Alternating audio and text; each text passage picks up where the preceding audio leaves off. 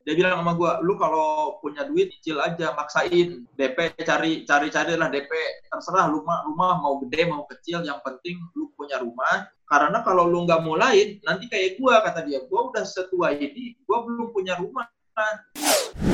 Kalau cicilannya mah yang empot-empotan. Dulu cicilan rumah ini ya sampai sekarang 3,6 juta. Gaji gue di Rolling Stone itu 5,8 kalau nggak salah Leh, tapi kan lu kondisi ketika itu lu adalah wartawan, tapi wartawan media lifestyle ya, Leh ya. Kan yang Ya. namanya nongkrong lah, Ya. gaul lah, gitu kan. Nah itu Ya. gimana?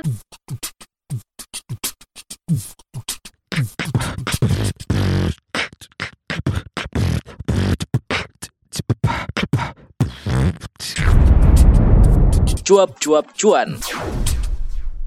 Halo Sobat Cuan, ketemu lagi sama gue Alin di podcast Cuap Cuap Cuan dan ada Gusti di sini. Kalau biasanya gue dari rumah, Gusti dari rumah. Dari rumah. Sekarang kita udah balik lagi ke kantor. Kita udah new normal. Hmm, tapi tetap physical distancing ala-ala Iya. sih ini. Dan kita sudah kedatangan tamu. Ini adalah senior kita. Ini tamunya istimewa banget. Kalau kata Gusti ini legend Iya, jadi jurnalistik. biasanya dia itu yang wawancara orang-orang. Hmm.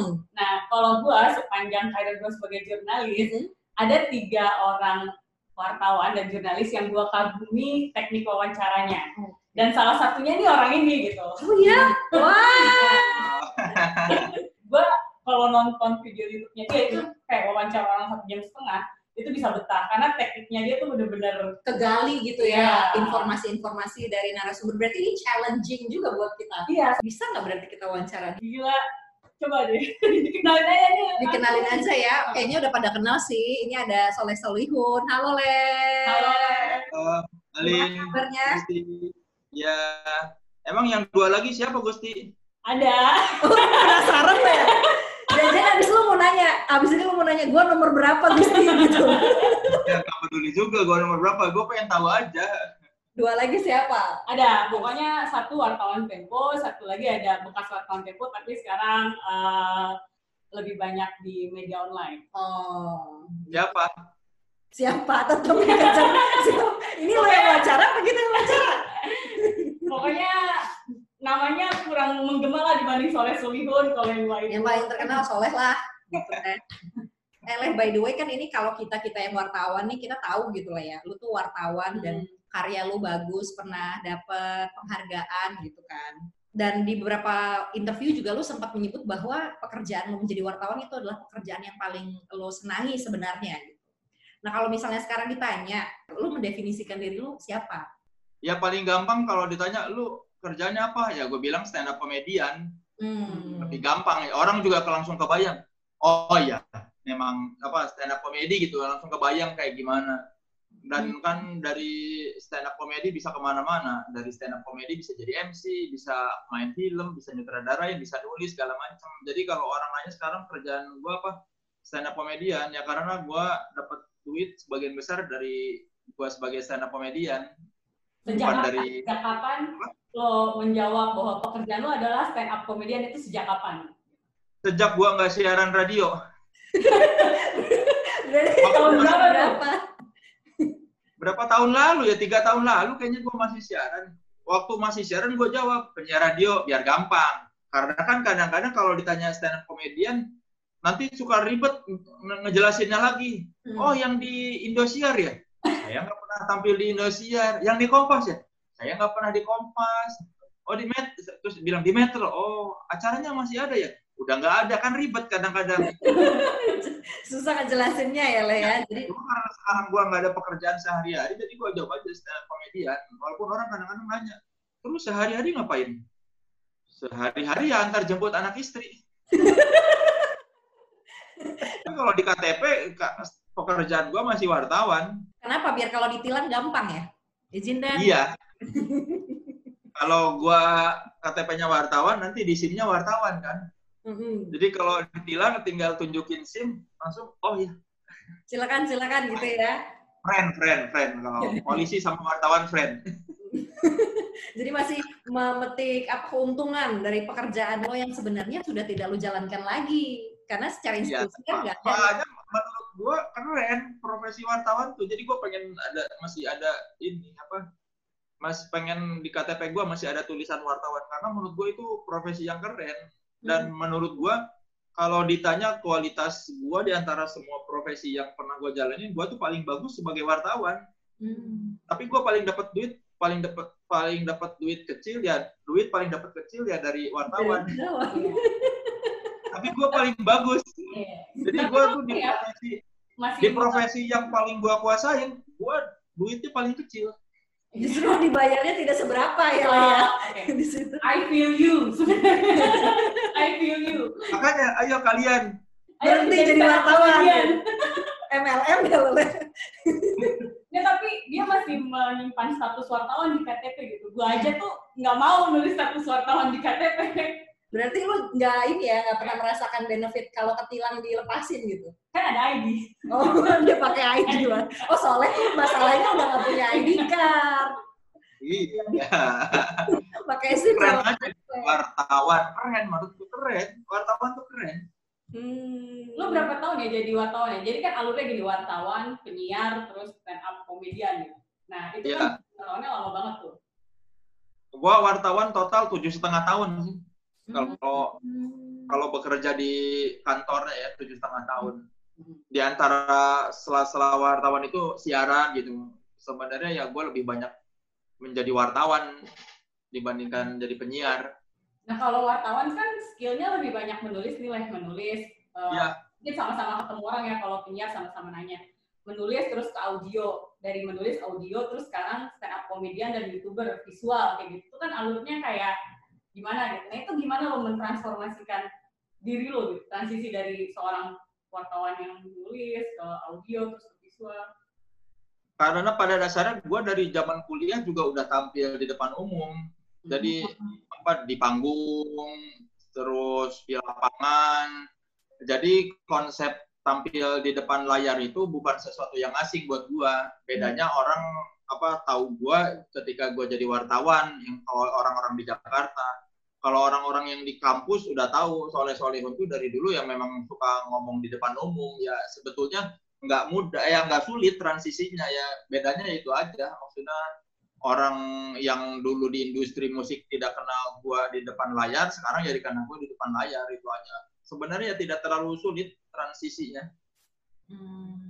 Karena lu juga pernah menang, menang lomba pidato ya Leh ya katanya zaman kuliah dulu. ya gua dari kelas eh, kelas 1 SMP gua Oh, apa malah SMP. eh, kelas kelas 6, kelas 6 SD gua ada apa juara lomba dakwah terus pas satu SMP gua ikut sanlat gua santri terbaik karena gua apa pas lomba dakwah menang juga gitu Hmm. jadi ya Bedai ya.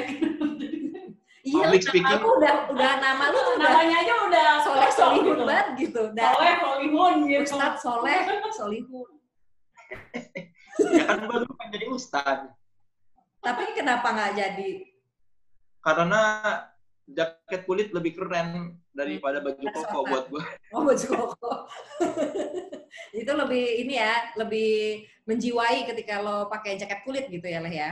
Lebih ya karena menurut gua ternyata pas lihat John Travolta di film Grease wah ini lebih keren nih Mm-mm. udah gitu kan gua pengen jadi ustad gara-gara Zainuddin MZ Mm-mm. Zainuddin MZ tuh kan lucu. Mungkin gue jadi bukan sosok ustadznya yang gue idolakan ya, tapi Hmm. ternyata sosok orang lucunya itu karena Zainuddin MZ tuh lucu banget. Mm-mm. Dulu gue pengen jadi ustadz gara-gara Zainuddin MZ. Materi stand up comedian eh, stand up comedy lu tuh banyak sih lah sebenarnya yang agak-agak ke sana gitu. Nyindir-nyindir tentang bagaimana berperilaku. Ya nggak sih? Ya, ya, Ya. mungkin ada ada jiwa-jiwa itu kali jiwa-jiwa pengen nasehatin ya. Ya, wawancara pengen sama- ngajarin orang gitu ya, masih masih ada ya itu ya. Jiwa-jiwa pengen ngajarin orang gitu. Sebenarnya mencontohkan secara nggak langsung sih kayak wawancara sama Vincent tuh soalnya eh, menunggu azan subuh. Anjir itu kayak gimana ya menunggu sambil menunggu azan subuh gitu. Tidak tiba itu udah mencerminkan banget deh dari menunggu azan subuh gitu. Terus sama Zawin Nur ya kalau nggak salah. Itu juga bahasa Arab gitu dan bahasa Sunda. Karena sama-sama udah- santri ya. Kawin mas Andri beneran lah. Kalau gue mah enggak. lu udah dengan jalan lo ya lah ya sekarang. Ya, udah udah udah terlalu banyak ustadz. Ya, nggak butuh lagi satu ustadz soleh solihun lah. Nah, soalnya selama jadi wartawan yang tujuh setengah tahun, itu kan lebih dikenal sebagai wartawan yang jago banget lah di bidang musik gitu. Kalau ulasan-ulasan musiknya dia tuh kayak bikin band-band jiper, bahkan ulasan musiknya dia tuh bisa mengangkat nama band kayak gitu. Ah, ah. Wah ya, itu salah satu materi yang dipelajari wartawan-wartawan pemula lah tulisannya Soleh Solihun dulu gitu kan. Bahkan skripsinya itu sejarah musik Indonesia ya lah kalau nggak salah ya Leh. Sejarah majalah musik Oh, majalah Oh. lebih spesifik ya majalah musik ya. Gila, siapa yang bisa mengulas itu saya Soleh Solihun. Nah, kecintaan lo akan menulis dan musik itu emang segitu besarnya?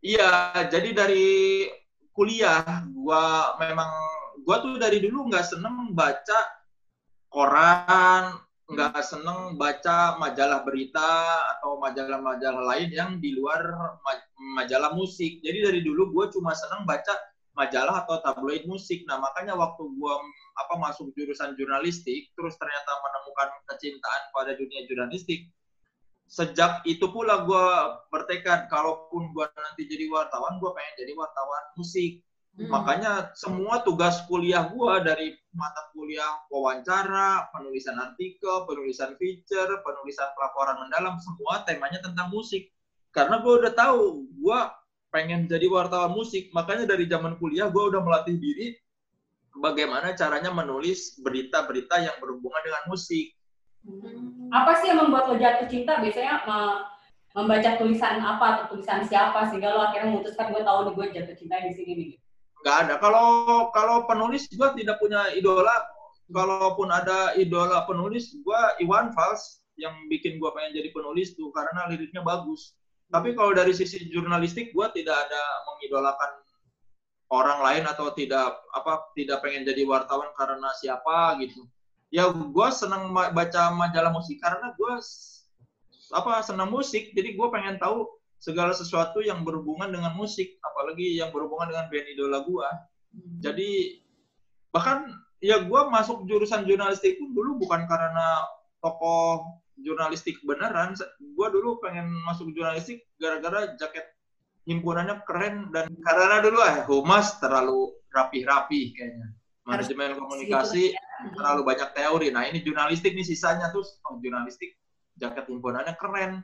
Terus Spider-Man juga kan sama Superman wartawan. Udahlah gua masuk jurnalistik aja kayaknya lebih menantang deh. Lo jadi wartawan musik, karya apa yang maksudnya kayak tulisan lo yang mana yang bikin lo lo kenang lah sampai sekarang gitu? Selama karir gua wartawan ya itu satu feature yang apa ada dua feature gua mendapat penghargaan anugerah Adiwarta Sampurna. Jadi nggak tahu sekarang masih ada atau enggak. Selama beberapa peri, beberapa tahun Sampurna selalu bikin anugerah Adiwarta Sampurna. Itu mereka memberikan penghargaan buat tulisan-tulisan dan berita-berita elektronik yang dianggap bagus. Nah, tahun 2006 gua jadi ada gua ngirim dua tulisan, dua tulisan gua masuk final tiga tiga dua tiga dari apa dua dari tiga finalis kategori feature seni dan budaya itu tulisan gua. Yang satu tentang apa komunitas aksara, judulnya aksara sekarang. Satu lagi tentang yaitu yang tulisan gua yang diangkat dari skripsi. Gua bikin jadi feature pendek apa gua bikin jadi feature 6 halaman kalau nggak salah. Dari satu dari satu judul skripsi dibikin jadi feature judul judulnya diganti jadi menunggu matinya majalah musik. Dua tulisan gue itu masuk final dan yang aksara sekarang itu apa dapat juara satu. Jadi sebagai apa feature seni dan budaya terbaik anugerah Adiwata Sampurna tahun 2006 dan itu gua mendapatkannya ketika gua bekerja di majalah Playboy. Jadi ada dua kemenangan buat gua. Yang pertama kemenangan sebagai pribadi karena oh sebagai seorang jurnalis Soleh Solihun itu bisa bilang gua ini jurnalis yang baik karena men- pernah mendapat penghargaan bukan kegeeran diri sendiri. Toh gua ada buktinya gua dapat penghargaan nih anugerah Adiwarta Sampurna yang kedua kemenangannya sebagai media karena Playboy pada saat itu kan dihujat ya dihujat oleh masyarakat dan disudutkan juga oleh teman-teman media yang mengaku teman padahal ternyata bukan demi clickbait semua menyerang kami. Jadi pada saat itu banyak yang meragukan produk jurnalistik di Playboy. Ada yang bilang Playboy itu bukan produk jurnalistik, bukan majalah yang apa bener lah. Walaupun Dewan Pers sudah bilang ini Playboy sebuah produk jurnalistik. Dan waktu itu kan Effendi Ghazali itu salah satu yang bilang oh Playboy bukan bukan produk jurnalistik. Intinya Effendi Ghazali waktu itu bilang dia memandang sebelah mata lah terhadap Playboy. Dia tidak menganggap itu majalah yang bagus lah. Nah, Anugerah Adiwata Sampurna saat itu ketua dewan jurinya adalah Effendi Ghazali. Hmm. Jadi ketika di media dia sempat mem, apa kayak memandang sebelah mata Playboy, terus di Anugerah Adiwata Sampurna dia termasuk orang yang memilih tulisan dari majalah Playboy sebagai juara satu. Kata panitia penyelenggaranya bilang si Mas Effendi itu pas penjurian gitu dia nanya ini dari Rolling Stone ya?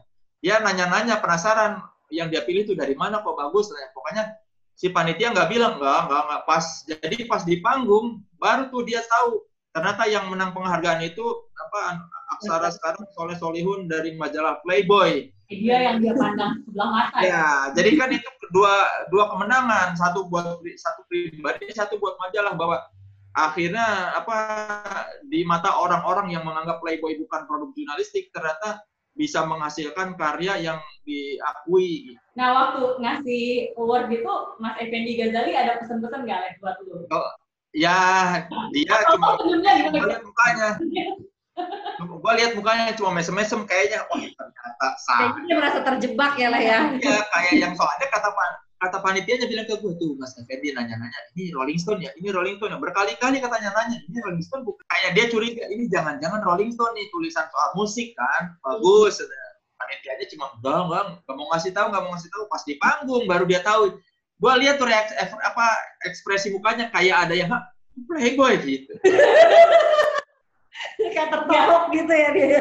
Nah, ekspresinya Soleh Solihun gimana pas lebih mau? Nah, lu gimana, Le? Jumawa yang nggak? ekspresi gue alhamdulillah gue pulang bawa 21 juta karena juara satu itu kan 18 juta Hmm. juara dua dan juara tiga tiga juta dan tiga juta nah gue dapat dua tulisan Hmm. Hmm. juara satu dan juara dua jadi gue pulang bawa 21 juta langsung 21 juta dan menang telak cuy. Iya, dan kepuasan Ya, banget gua- ya, ya. Ya, kepuasan batin dan kepuasan finansial Alhamdulillah. mungkin gue bisa tiba-tiba dapat duit 21 juta kan susah Jadi itu rezeki nomplok banget Terus ya. duit 21 juta itu lo pakai buat apa? itu jadi salah satu modal DP rumah. Oh. kan dapat dapat 21 juta Hmm. ditabung lah buat buat ya walaupun baru berapa tahun kemudian gua ini apa gua tabung ke akhirnya tahun 2000 kan itu 2006 akhirnya gua tiga tahun kemudian gua bisa DP rumah karena salah satunya gua udah pernah nabung dari situ dapat duit 21 juta itu Ini rumah yang sekarang lo tempatin apa beda rumahnya? masih masih yang sekarang Oh ini, ini jadi ini salah satu hasil dari Adiwarta Sampurna di rumah yang sekarang lo tempatin. ya ya DP-nya doang ya, Le. Ada peran Effendi Ghazali di rumah ini. Cicilan-cicilannya itu dari stand up comedy ya? enggak dulu kan gua 2009 Hmm. gua beli rumah ini waktu itu 300 jutaan kalau nggak salah. Yang Hmm. jelas DP-nya itu total-total gua harus mengelu- mengeluarkan uang 60 juta. Hmm. Selain gua nabung dari penang Adiwarta Sampurna, terus lagi tahun berapa gua ikut kuis. Kuis Are You Smarter Than a Fifth Grader. Gua dikasih tahu sama produsernya, kalau orang mengikuti trik ini, minimal dia pulang bawa 15 juta. Gua ngikutin cara-cara itu. Dia bukan ngasih tahu pertanyaannya, dia ngasih tahu sebenarnya bisa nih kan ada kayak 50-50 atau as a friend apa apa gitulah. Dia ngasih tahu, eh leh kalau lu ngikutin cara ini, lu Hmm. minimal pulang bawa 15 juta nih. Gua ikutin cara-cara dia. Ya, gua pulang dapat 15 juta apa 20 juta, gua lupa. Nah, jadi dari award itu sama menang kuis sama gua jual kamera. Jual kamera gua Canon 6, eh, Canon 40D gua jual sama lensa yang lensa yang apa lensa yang bagusnya lah. Terus terus gua dikasih sama bokap tambahan 10 juta Hmm, bantuan. belilah apa DP rumah Hmm. terus developernya temen gua dia ngasih diskon 10 juta Kalau cicilannya mah ya empot-empotan. Dulu cicilan rumah ini ya sampai sekarang 3,6 juta. Gaji gua di Rolling Stone itu 5,8 kalau nggak salah. 6 Hampir juta lah paling gede. Ah, gaji lu berarti leh cicilannya. Iya, gua waktu bikin apa surat pengajuan kredit, gua kali kok sama HRD sama HRD-nya. Kan gua nanya, orang banknya temen gua juga, orang. Oh, lu banyak nepotisme ya. iya, kalau lu mau disetujuin kreditnya, Hmm. gaji lu minimal harus 13 juta. Gua ngomong ke HRD, ke si ibu, Bu Soraya namanya, Bu, saya mau ngajuin kredit tapi gaji saya harus ditulis 13 juta. Bikinlah dia surat keterangan bahwa gaji gua 13 juta. Gua kasih ke teman gua, teman gua waktu ngajuin ke bosnya apa ke banknya bilang, "Ini benar gaji wartawan segini 13 juta." Teman gua bilang, "Iya, dia kan udah bosnya, udah apa udah, udah inilah udah tinggi posisinya." Dipercayalah udah. Hmm. Enggak, tapi trik itu bukan pakai soleh doang, itu kayaknya hampir semua wartawan kayak gitu. ya. I feel you, eh. Ya makanya apa ya duit nggak ada sisa waktu masih 2009 oh, apa apa 2009 mulai nyicil, mulai tinggal di rumah. 2000 ya selama 2 tahun sampai 2011 itu gua pas-pasan. Tapi kondisi itu juga nggak sih yang jadinya memaksa lo untuk mungkin eh, melihat potensi atau kemungkinan lain kayak siaran gitu jadi lebih rajin, nge-MC atau stand up comedy gitu. Lu jadi nyari-nyari nggak? Nggak. Mepet enggak? Enggak, gua nggak ambisius. Jadi Gua udah biasa hidup. kepada Anda gitu jadinya. Gua udah biasa hidup pas-pasan dari dulu. Maksudnya gua dari kecil sudah terbiasa ya tidak miskin tapi juga tidak kaya, biasa aja gitu. Jadi ketika gua harus nyicil rumah 3,6 terus gua gaji cuma segitu sisanya sedikit banget ya ya udahlah. Gua bisa naik motor kok masih ini makan juga nggak nggak nongkrong nongkrong gitu. Ya makan nggak usah yang di tempat-tempat kafe-kafe. Gua sih nggak yang aduh gua kurang duit gua harus nyari duit. Enggak gua mah biasa aja. Berarti lo bisa ya bismillah aja gitu, udah lah bismillah gitu. Gua ambil aja. Iya, gua mah nggak pernah ngejar-ngejar apa kayak gua harus ini enggak ya udahlah sekarang adanya segini biarin aja tapi selalu ada rezeki datang gitu Hmm. ya, yakin aja rezeki datang sebenarnya tidak inspiratif sih kisah gua karena gua tuh bukan orang yang ambisius Jadi kalau Bener. Pak Obi denger gitu kan, ini pasti akan Dimarahin dulu ya, dimarahin dulu ya. Bertentangan dengan prinsip finansial planner. Iya. Apa yang cuan kayak gini.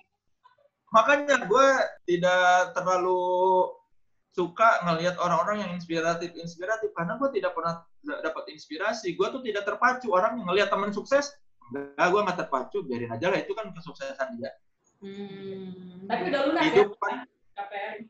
belum masih masih yang gak gua lunasin karena kata teman gua jangan dilunasin rugi kalau dilunasin udah aja sampai kelar karena kan gua flat kan syariah Oh. Jadi gua 3,6 sampai nanti tahun 2024 kan makin lama duitnya makin kecil nilainya Hmm, kalau karena gua lunasin sekarang besar ya. ya mendingan gua biarin aja Oh, iya. sih. Padahal mah kalau dari sisi rezeki udah ada buat ngelunasin. Hmm. iya cuma kan kata teman gua udah nggak usah nggak usah dilunasin biarin aja lah Hmm. Jadi lu ikutin saran temen lu itu Tapi ya. waktu 2006 lo udah udah berumah tangga lah ya, waktu itu lah. Belum gua 2011 kawin Oh iya. Jadi udah kayak begitu udah mulai stabil ya keuangan kalau bisa dibilang. Iya, karena gue dari dulu cita-cita gue pengen kawin meskipun misalnya nanti saat, kalaupun gue harus tinggal di rumah mertua, tetap kan gue udah punya rumah sendiri. Hmm. Karena kalau kata film Oh Brother Where Are You tuh you ain't no kind of man if you ain't got no land. Oh, Oke. Terus gue ingat ucapan temen gue, dia di Jakarta dari tahun 94 apa 95, dia dari dulu nggak pernah berani nyicil. Hmm. Terus dia bilang sama gua tuh waktu tahun berapa tuh? Dia oh 2005, gua ingat banget. Dia bilang sama gua waktu itu Kak, waktu itu masih se- di majalah musik bareng. Dia bilang sama gua, "Lu kalau punya duit nyicil aja, maksain. DP cari cari cari lah DP terserah rumah rumah mau gede mau kecil yang penting lu punya rumah dan apa lu cocok sama lokasinya. Karena kalau lu nggak mulai nanti kayak gua kata dia gua udah setua ini gua belum punya rumah. Hmm. gua masih pindah-pindah. Kalau udah seumur gini gua susah memulai buat cicil katanya. Secara umur juga bang nggak bisa maksudnya kan udah terlalu tua terus secara kebutuhan udah makin banyak dia bilang kalau bisa masih apa masih bujangan lu beli rumah DP rumah jangan nggak usah mikirin gede atau kecil yang penting lu nyaman melihatnya karena nanti ya gitu kalau lu udah punya rumah lu tenang katanya Rumah lo di mana? di daerah Krukut daerah Gandul namanya Cinere Dep- Depok Depok Nah waktu itu lo kerja di daerah mana? Ampera Depok, Ampera. Eh, naik motor itu kayaknya 11 kilo deh. Jadi kalau naik motor cuma setengah jam, kan masuk jam 10. Kalau berangkat jam setengah 10 atau jam 9 aja masih santai. Jalanan udah kosong. Leh, tapi kan lu kondisi ketika itu lu adalah wartawan, tapi wartawan media lifestyle ya, Leh ya. Kan yang Ya. namanya nongkrong lah, Ya. gaul lah, gitu kan. Eh, biaya Hidupnya lifestyle lah? luar biasa kan, Leh. Nah itu Iya. gimana? Eh, dengan uang pas-pasan kayak gitu, lu harus eh, tetap bergaul dengan teman-teman yang mungkin biayanya eh, besar pasak daripada tiang gitu. Sementara lu harus ngikutin kemampuan lu gitu. Gimana? tuh? Ya pertama memang gua nggak suka nongkrong. Kalau cuma nongkrong-nongkrong kan gua nggak minum Mm-mm. dan gua nggak ngerokok. Nongkrong kan pasti antara lu minum bir atau sambil ngerokok lah gua ngerokok. Enggak minum bir enggak. Terus gua tuh tipe minum kalau minum ya kalau haus ya minum, bukan yang tipe minum sedikit dicip-icip, ngobrol, enggak. Hmm. Jadi pertama secara jiwa juga gua tidak tertarik. Kedua ya gua bilang aja, gua nggak mau boros-boros, duit gua habis 3,6 buat Jadi cicilan. aja gitu ya ke teman-teman lu itu Ya ya. iyalah, ya teman-teman di Rolling Stone juga tahu, oh iya sih duit lu habis ya 3,6 Buat apa sisanya tinggal berapa makanya lu makan di warteg mulu katanya ya, ya bilang aja nggak usah gengsi maksudnya Iya, bekerja di Playboy, bekerja di Rolling Stone gitu kan. Ini mungkin pegawai Playboy paling beriman ini soalnya Hollywood. kalau gua mah punya prinsip ya kalau gua nggak mau ya udah nggak nggak lu nggak bisa meng, apa mengubah gua Nah, ini namanya bergaul tapi tidak bercampur begitu gitu ya. ya iya gua berteman dengan siapa aja tapi kalau gua nggak suka atau nggak sesuai dengan prinsip gua ya udah nggak akan gua kerjain. Makanya apa dari dulu gua bisa bertahan eh, apa pergaulan ya gitu karena gua punya prinsip. Hmm. apa meskipun gua nggak ngerokok atau gua nggak minum atau gua nggak mencoba apa pun kalau gua yakin sih kalau kitanya tegas orang juga nggak akan ini. Kan orang suka banyak tuh kasus ayo minum dong minum dong. Ah lu nggak asing nggak minum. Kalau kita bilang enggak gua nggak minum teman-teman juga menghargai kok. Maksudnya kalau kelihatan orang yang tegas orang tuh banyak yang awalnya baik-baik nggak ngikutin arus terus di apa dipengaruhin sama orang-orang jadi terjerumus ya karena pada dasarnya dia labil juga. Kalau gua nggak enggak. Gua bilang gua nggak minum dia. Atau gua nggak ngerokok ya udah. Yang mereka juga menghargai. Temen lo juga akan ngerti gitu ya pada akhirnya gitu ya. Ya. Itu kalau iya. godaan hidup harusnya sekarang godaannya lebih kenceng sih, ya ya. Sebagai iya selebriti, lumayan. Kalau bisa dibilang selebriti. Godaannya lebih kenceng lah atau karena memang lu udah terbiasa karena dulu lu setegas itu gitu ya ibaratnya pagar lo tinggi gitu cukup kuat gitu sekarang justru lebih gampang. Walaupun mungkin terpaan anginnya lebih kenceng gitu. Sama aja kalau gua bilang maksudnya pergaulan zaman dulu dengan pergaulan sekarang apa dari sisi ya orang-orang yang sama aja. Cuma bedanya sekarang lebih banyak teman gue yang kaya gitu yang kalau dulu kan biasa aja sekarang ada teman-teman sekarang gue punya teman yang beneran kaya banget gitu Kalau dulu tapi ya Tapi sok kaya, kalau sekarang beneran kaya. Iya, mungkin dulu. Cuma kan pada dasarnya kalau kita jujur dalam hidup, kita bakal orang juga bakal respect. Misalnya kalau kita bilang aja nggak usah gengsi. Maksudnya kalau memang kadang-kadang orang suka gengsi ngeliat rumah temannya, "Ih, kaya apa Hmm. rumahnya bagus banget, tapi sok-sok gengsi nggak mau mengakui bahwa ternyata kita norak ya kalau gua mah bilang kalau datang ke rumah teman gede anjir rumah lu gede banget ya biasa aja. Jadi nggak usah ditutup-tutupin maksudnya ya jujur aja dalam Jadi- bergaul. Jadi kalau Gitu ya, Leh, ya. orang juga bakal menghargai kok oh si ini mah gak ini si ini mah gak ini. Ya karena dari awal jujur jangan jangan melakukan sesuatu karena pengen dilihat orang. Itu ya, eh, sobat cuan pesan dari Soleh Solihun. Les dengan prinsip hidup lo yang begitu lempeng nih ya. Kalau gue nyimak dari tadi kan lempeng banget dia punya prinsip hidup. Anak soleh. Nah, waktu itu lo kerja di Playboy, itu gimana tuh? Banyak gak sih lo menghadapi ya? Tadi kan stigma masyarakat soal Playboy jelek, sementara lo punya prinsip hidup lempeng. Nah itu gimana waktu itu? Gua sih yang penting gua waktu bilang sama orang tua mau pindah ke majalah Playboy mereka merestui udah itu aja. Gua nggak peduli. Jangan-jangan orang tua lu nggak tahu majalah Playboy itu apa. Tahu. Bokap gua cuma pas gua bilang apa mau pindah dari Trax ke Playboy, terus bokap gua cuma bilang itu bukannya majalah telanjang. Gua bilang enggak kalau di gua bilang enggak ya di luar negeri mah iya, tapi di Indonesia mah nggak akan telanjang. Oh ya udahlah kata bokap kata bokap nyokap gua kalau emang mau ke situ ya udah. Orang tua gua selalu mendukung gua maksudnya toh apa ini juga pekerjaan yang bukan merugikan orang. Hmm. Ya pas santai-santai aja orang tua gua mah. Walaupun nyokap gua ikut demo, tapi dia Ya kamu ikut demo, demo Playboy lah beneran. Ikut kan nyokap gua masa Ngajarannya- PKS eh, dia cerita ini tadi mama habis habis demo Playboy dia cek dia ketawa-ketawa aja? Mendemo tempat anaknya mencari makan ya leh malu. ya tapi dia cengengesan aja apa dia cerita "Ih, orang-orang nggak tahu apa anaknya kerja di Playboy Indonesia banget ini. nah, begitu jadi penyiar, itu kan ada perbaikan penghasilan lah bisa bilang gitu. Enggak juga ya enggak juga ya. Wah, tahu nih. Ya, lumayan lah kalau si Alin enggak karena dia cuma kerjanya satu di radio kalau gua kan sambil kerja dan sambil siaran makanya lumayan Eh kan gue juga kerjanya dua. Siaran juga sama produseran juga. Tapi kan lu masih satu kantor Lin Iya iya, nggak segede lu lah leh. Orang umur kita juga jauh leh. Pengalamannya nggak banyak. Ya terus gimana? Nah, begitu lo udah jadi penyiar gitu, itu lebih bagus. Maksudnya lebih manage keuangannya, segala macam itu lebih beda dibanding jadi wartawan. Iya, ketika gua dapat penghasilan tambahan, gua jadi bisa beli barang-barang yang tadinya tersier banget buat gua. Hmm. Kayak beli CD atau beli kaos band. Kan kaos band mahal. Hmm. Waktu gua masih kerja jadi wartawan doang, itu harus dipirit-pirit wah jangan apa beli kaos band harus nabung baru beli kaos band. Ketika gua jadi penyiar, lumayan nih ada lebihan nih buat beli barang-barang tersier.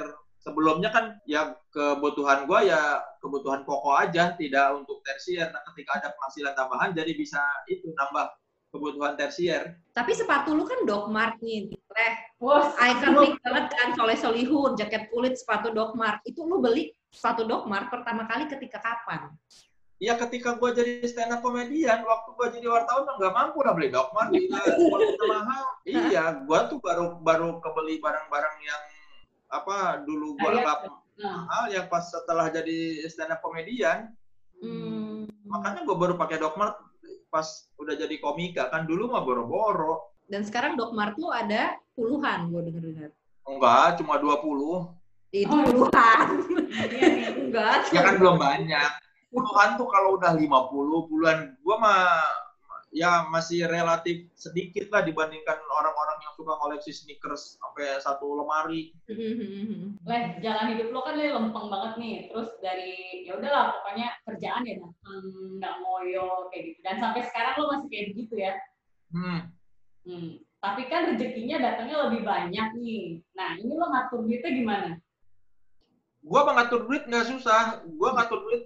Gua punya dua rekening. Hmm. Satu buat operasional, satu buat tabungan. Udah itu doang. Udah, Jadi lu nggak ada investasi? Nggak ada. Paling kalau udah ada duit agak lebih dikit, beli emas, emas antam ya, ya receh-receh lah.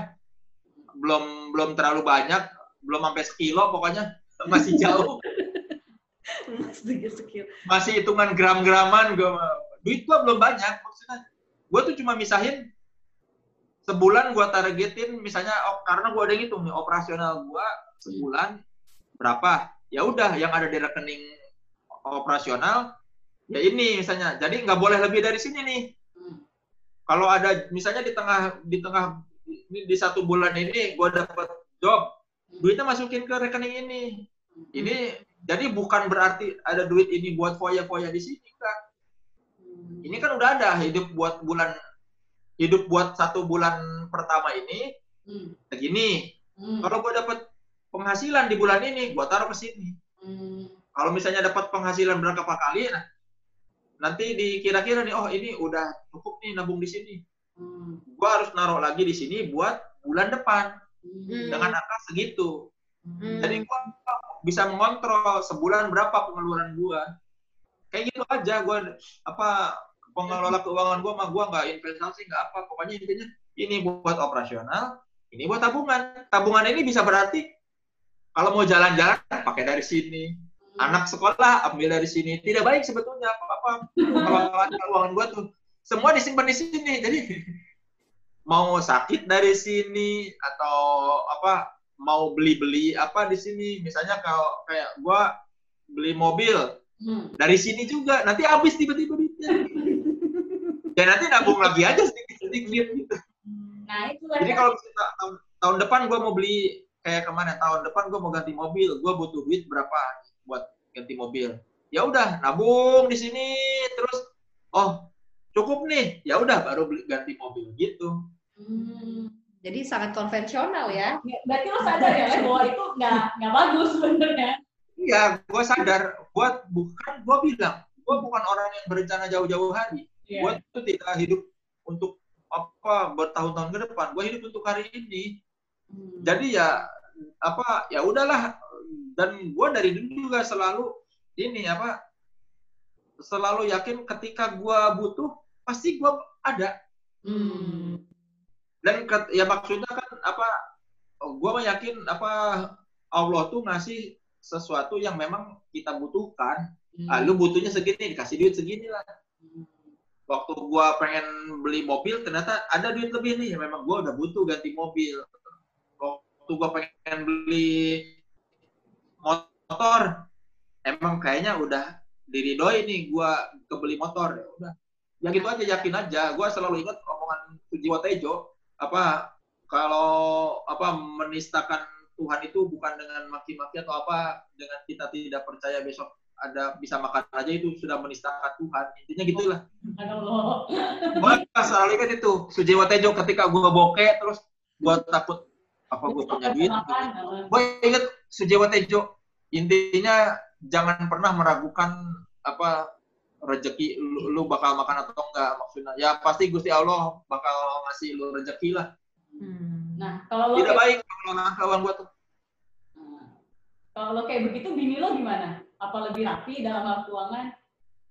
kayaknya bini gua yang ini dia nabung buat anak dia bilang soalnya aku bikin tabungan nih buat apa sekolah anak gitu Hmm. karena dia tahu dia suka bilang kita investasi apa kayak ya gua bilang gua nggak tahu gua nggak nggak bisa gua bisnis bisnis itu investasi udahlah akhirnya bini gua yang dia bikin tabungan anak gitu apa bikin rekening buat nanti kalau sekolah anak gitu. Hmm. akhirnya kayak gitu ya sama paling itu kalau ini beli emas lah bini bini gua sih yang lebih banyak ngingetin Hmm. Lebih sadar melek finansial gitu ya bini lo ya, Le? iya kayaknya Kalau Ah. usaha nggak ada, Le? nggak ada gua tuh nggak gua nggak samaran ya gua nggak pinter usaha dan nggak ada jiwa dagang gua tuh kalau berdagang atau usaha kan lama duitnya baliknya ya Hmm. harus sabar dikit dikit dikit dikit nanti dapat gua nggak gua biasa oke gua kerja sini dapat duit dah. Hmm. Nah kalau kondisi kayak gini leh, lu kan stand up komedian, itu kan biasanya kan harus kayak ke panggung ketemu orang. Pandemi. Ya. Nah, itu gimana? Berdampak pasti kan? ya eh, dua bulan apa sebulanan lalu mah emang nggak ada kerjaan Hmm. tapi kemarin ada satu kerjaan begini-begini doang di zoom ya lumayan maksudnya apa penghasilannya Hmm. ya itu tadi makanya kalau gua mah kalau semakin gua memikirkan kapan gua dapat duit nggak dapat duit Hmm. malah ketika gua ikhlas udahlah ikhlas aja lah apa pun yang terjadi terjadilah nanti ada aja penghasilan Hmm. bukan sesuatu yang bisa ditiru orang ya Ikhlasnya itu susah leh. karena Ikhlas. itu ya itu gua ngalamin kalau gua lagi nggak ada job terus gua malah maki-maki atau kayak gua bertanya-tanya wah duit gua udah mau udah mau habis nih. Hmm. gue belum dapat duit nih belum ada penghasilan. Malah nggak malah nggak ada kerjaan. Tapi ketika gua ah udahlah ikhlas aja lah emang duitnya udah mau habis. Tapi nanti tiba-tiba ada kerjaan. Hmm. Beda-beda tipis sih kalau sufi. Gila ilmu kita banyak banget hari ini itu lah ilmu jurnalistik dapat, ilmu kehidupan. ilmu kehidupan, ilmu Walaupun- agama dapat, Walaupun ilmu finansial agak kurang. ilmu finansial jangan tidak baik. Gua, tapi gue selalu mendapatkan apa yang gue pengen kan. Tiba-tiba kebeli motor, tiba-tiba kebeli rumah, tiba-tiba bisa jalan-jalan, tiba-tiba kebeli mobil. Walaupun tidak pernah gue rencanakan detil ya. Mm-mm. Tapi kalau gue lihat lu tuh disiplin deh, Leh. Jadi lu punya gaya hidup lu misalnya segini gitu tadi kan yang Nah, bilang. Lu disiplin kayaknya kuncinya. Ya iya, Hmm. kalau emang duit sebulan segitu ya usahakan segitu. Kalaupun misalnya lebih karena harus misalnya ada rumah sakit atau apa kebutuhan-kebutuhan mendadak baru boleh ada ke- apa peng- apa pengeluaran lebih. Tapi kalau enggak ya segini ya segini. Misalnya duit gua cuma ada segini buat bulan ini ya harus segitu. Hmm. Jangan tergiur apa buat foya-foya. Karena kayaknya lu memang udah biasa hidup lempeng juga dari dulu ya, Leh ya. Jadi Ya, dari dulu udah biasa hidup pas-pasan. Makanya sebenarnya intinya mah harus ini kalau kalau keuangan paling gampang kita ngitung sebulan kebutuhan kita berapa. Udah aja disiplin sama itu. Kebutuhan tuh udah termasuk misalnya kalau jajan nonton atau sama ya senang-senang lah di luar di luar tagihan apa operasional bensin atau uang bulanan atau apa. Kita hitung maksimal berapa nih yang kita nggak menderita banget. Kalau kita udah punya duit ya lebih.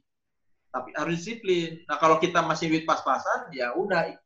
Ya harus sadar diri intinya mah Hmm. sadar diri. Kalau kalau memang duit belum banyak kayak zaman gue jadi wartawan sadar diri. Kemampuan gue segitu ya apa gaya hidup gue jangan melebihi itu Jadi kalau duit belum banyak, nggak usah banyak gaya, gitu ya, Leh. iya Sebuah pesan. usah Heeh. kelihatan gaya sama orang lain kita nggak gaya juga orang lain tetap menghargai kita kok kalau kita baik sama orang lain. Episode kali ini cuap-cuap cuan kayaknya harus ganti tema nih jadi cuap-cuap ikhlas. Tapi ini gue dapet banget soleh solihun gitu. banyak pencerahan banget nih dari Soleh pembelajaran baik itu untuk karir maupun untuk kehidupan lah. Sungguh inspiring. Leh, lu tuh sebenarnya inspiring, tapi lu nggak sadar. gue bukan motivator Memang tidak memotivasi, tapi membuat orang melihat bahwa oh ada jalan hidup lain yang ternyata bisa dijalani dan aman. Gitu. iya Mm-mm. Karena selama ini iya intinya mah hidup lu ya lu yang tahu lu nggak usah membanding-bandingkan hidup lu dengan orang lain udah. Kita tuh nggak bahagia gara-gara kalau kalau kita selalu membanding-bandingkan hidup kita dengan orang lain Nah, Betul, benar. Setuju, Ustad. ya, Ustad lu udah kayak Ustad lu, Leh. mau ada doa penutup, Ustaz soleh. Kita kan cocok nih wawancaranya udah solehan juga. udah kayak ini ya, apa sih namanya istilahnya? lagi ya Kerudung kudu kan. biasa. Wabillahi taufiq wal hidayah nih. Pakai doa penutup majelis, Leh. Ya itu ya tadi ya, eh, Sobat Cuan, kita udah denger banyak banget Banget. cerita kehidupannya Soleh, dan kita bisa belajar banyak. Dan kalau yang untuk financial planning ala Soleh, Ya Itu silakan keputusan pilihan, itu masing-masing. pilihan. Itu pilihan. resiko ditanggung sendiri gitu lah Sobat Cuan. Makasih banyak Soleh. Dadah Sobat Cuan, kita ketemu lagi di episode lainnya. Dah. Dadah, sobat cuan